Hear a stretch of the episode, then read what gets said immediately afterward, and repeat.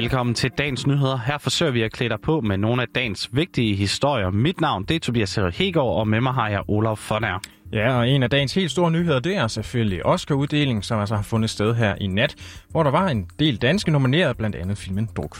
Ja, og så er der altså også varslet en protest fra gymnasieelever, som vi skal se nærmere på. De er nemlig trætte af, at de ikke må komme i skole, når de gerne må gå på bar. Velkommen til.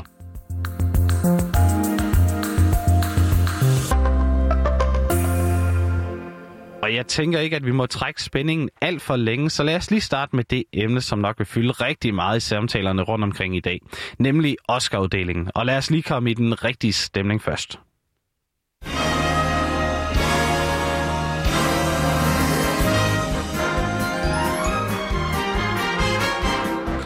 Olav, øh, har du holdt dig vågen i nat for, for at se med i de Oscars? Nej, det, det har jeg altså ikke. Jeg skulle jo stå her og være frisk og alt det der. Så ja, det har jeg, ikke. Jeg, har, jeg har heller ikke fået det set, men jeg så det lige i afslutningen, da jeg mødte ind her til morgen, hvor de stadigvæk var i gang. Men en, der altså har holdt sig vågen, det er Karoline Arnsberg Nielsen. Hun læser biomedicin til daglig, og så er hun nok det, man vil kalde for en vaskeægte fan af de Oscars. Hende fangede min kollega altså i går, inden den røde løber den blev rullet ud, og stjernerne begyndte at ankomme til showet. Jeg er på vej hjem hos en veninde, hvor vi plejer at se Oscars. Øhm, og det har vi gjort de sidste fem år. Og, men altså, sådan, jeg har øh, sovet en kæmpe middagslur her nu. Øhm, og så øh, er det sådan, vi mødes først her ved 1920-tiden og spiser aftensmad og ser øh, en af de tidligere Oscar-vinder øh, film. I dag skal vi se Shape of, Shape of Water. Øh, og så skal vi selvfølgelig love det totalt på snacks i alle former, så man ligesom kan holde sig vågen i, i løbet af natten. Øhm, og nogle gange klarer vi også at tage galakjoler på og sådan pifte os op i løbet af natten, fordi det hjælper også lidt på at holde sig vågen.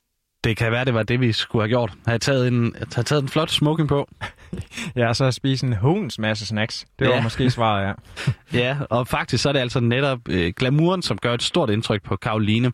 Men i år, der er der selvfølgelig ekstra spændende at holde øje med de nominerede. Vi kan rigtig godt lide at se sådan the red carpet og se sådan alle de flotte øh, skuespillere, som er helt dresset op i dyre kjoler. Øhm, selvfølgelig kan vi også godt lide at se selve awardshowet og priserne og talerne, og sådan gennem årene har der jo helt klart været nogle store sådan, taler, for eksempel Meryl Streeps i 16, som var meget, meget sådan rørende, og der er Leonardo DiCaprio også endelig vandt en Oscar. Sådan nogle momenter, som man bare ikke glemmer. Det er jo også lidt det, man, man gør det for. Øh, og i år kan man jo så sige det med, at der er en dansk film, som er nomineret til sådan en stor pris, og instruktør i sådan en flot altså, kategori, det, det gør også helt klart noget for, for spændingen, at man kan holde sig vågen. Ja, for der var jo en del danske nomineringer til årets Oscar-uddeling. Ja, der var altså både instruktør Elvira Lind i bedste kortfilm for hendes The Letter Room, og så også øh, Mikkel E.G. Nielsen i bedste klipning for Sound of Metal, og selvfølgelig også druk i både bedste international film og også bedste instruktør til Thomas Winterberg. Og lad os lige prøve at høre, hvordan sidstnævnte havde det, inden det blev afsløret, hvem det var, der løb med prisen for bedste internationale film og bedste instruktør. Sådan som det ser ud, så ser det meget lyst ud i den ene kategori og meget sort ud i den anden. Det ser meget lyst ud i International Feature film. Øh, på den måde at forstå, at vi har ligget forrest i meget lang tid i alle mulige målinger. Og det er jo ikke engang målinger, det kan det jo ikke være, men det er forudsigelser. Og hvad er en forudsigelse så værd? Hvad, at det stemmer det nu overens med, hvordan folk rent faktisk stemmer? Det ved vi jo så ikke. Og Thomas Winterberg, han fik altså ret med hensyn til sine egne og druks chancer for at vinde. Sådan her lød det nemlig hos Centropa, da prisen for bedste internationale film den blev uddelt i nat. And the Oscar goes to another round.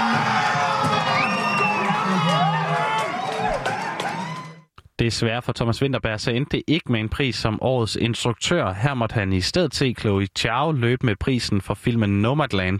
Og hun er altså samtidig den første asiatiske kvinde til at vinde prisen som årets instruktør, og den blot anden kvinde nogensinde til at vinde den pris. Men Thomas Winterberg han kom altså på scenen, da han skulle modtage statuetten for bedste udenlandske film, og han havde en rørende tale med, som han dedikerede til, da han dedikerede prisen til sin 19-årige datter Ida, som døde få dage inde i optagelserne til filmen. Lad os lige prøve at høre et sammenklip fra talen. Thank you very much. This is beyond anything I could ever imagine, except this is something I've always imagined. Four days into shooting, the impossible happened. An accident on a highway took my daughter away. We miss her, and I love her. If anyone dares to believe that she's here with us somehow, she, uh, you'll be able to see her clapping, clapping and, and cheering with us. Uh, we ended up making this movie for her as her monument. So, Ida, this is a miracle that just happened. And you're a part of this miracle. Maybe you've been pulling some strings somewhere, I don't know, but this one is for you. Thank you very much. I kategorien bedste klipning, der var danske Mikkel E.G. Nielsen som nævnt nomineret for filmen Sound of Metal. Og så lad os, lad os lige prøve at høre, hvordan det endte. And the Oscar goes to Sound of Metal. Og Mikkel E.G. Nielsen, han er altså den første dansker nogensinde til at vinde netop den her pris. Og i sin takketale, der fik han også sendt en tak til en lang række personer bag filmen. Men der var også en tak til Danmark.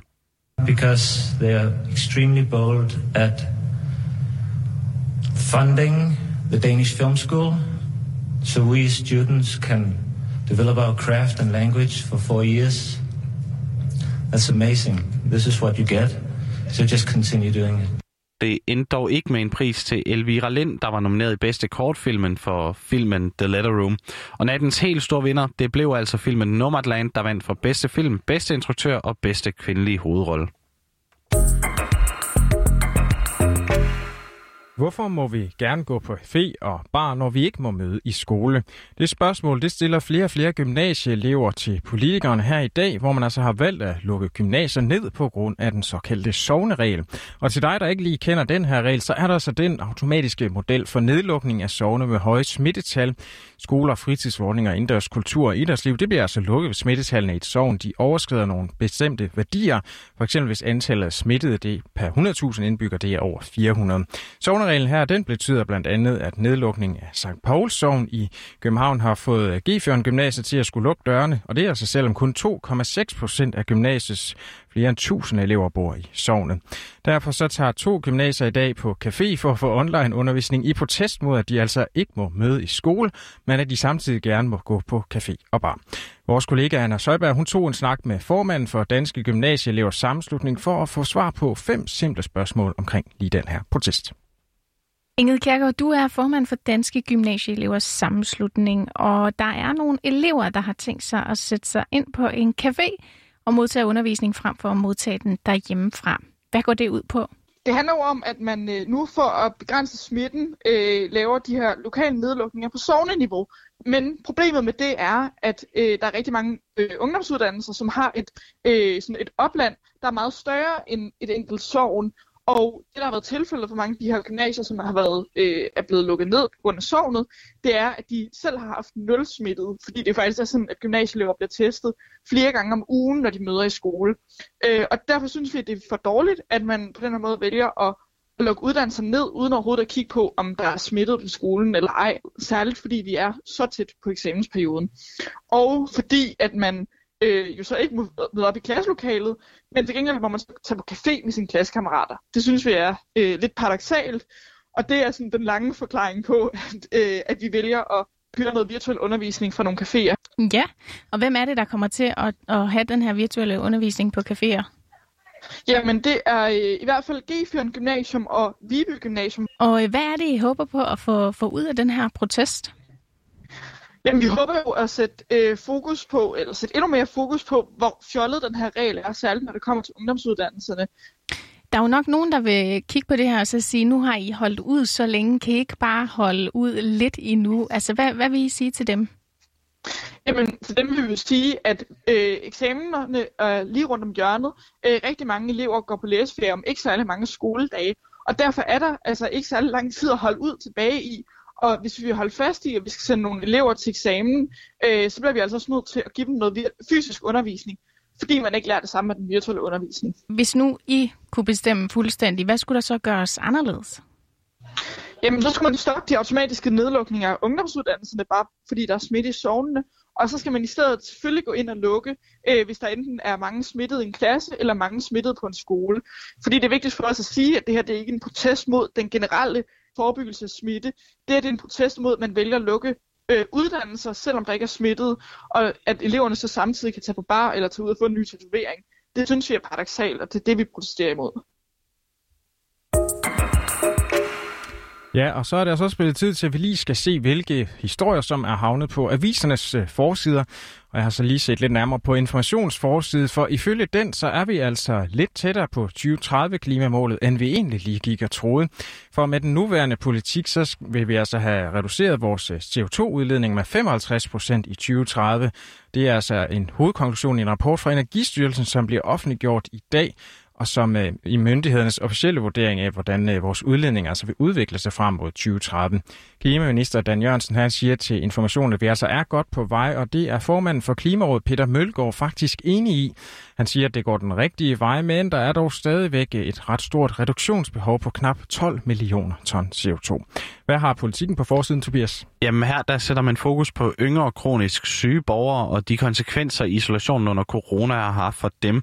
Flere undersøgelser fra forskellige patientforeninger de viser nemlig, at isolationen har haft og stadig har alvorlige konsekvenser for et bredt udsnit af kronisk syge danskere. Og nu mener flere læge- og patientforeninger så, at isolation for mange har kostet mere, end beskyttelsen mod covid-19 potentielt kunne have sparet dem for. Det var alt, hvad vi nåede i dagens ud- nyheder. Udsendelsen den var tilrettelagt af Anna Søjberg, og dine værter, det var Tobias Hegård og Olaf Fornær. Tak fordi du lyttede med.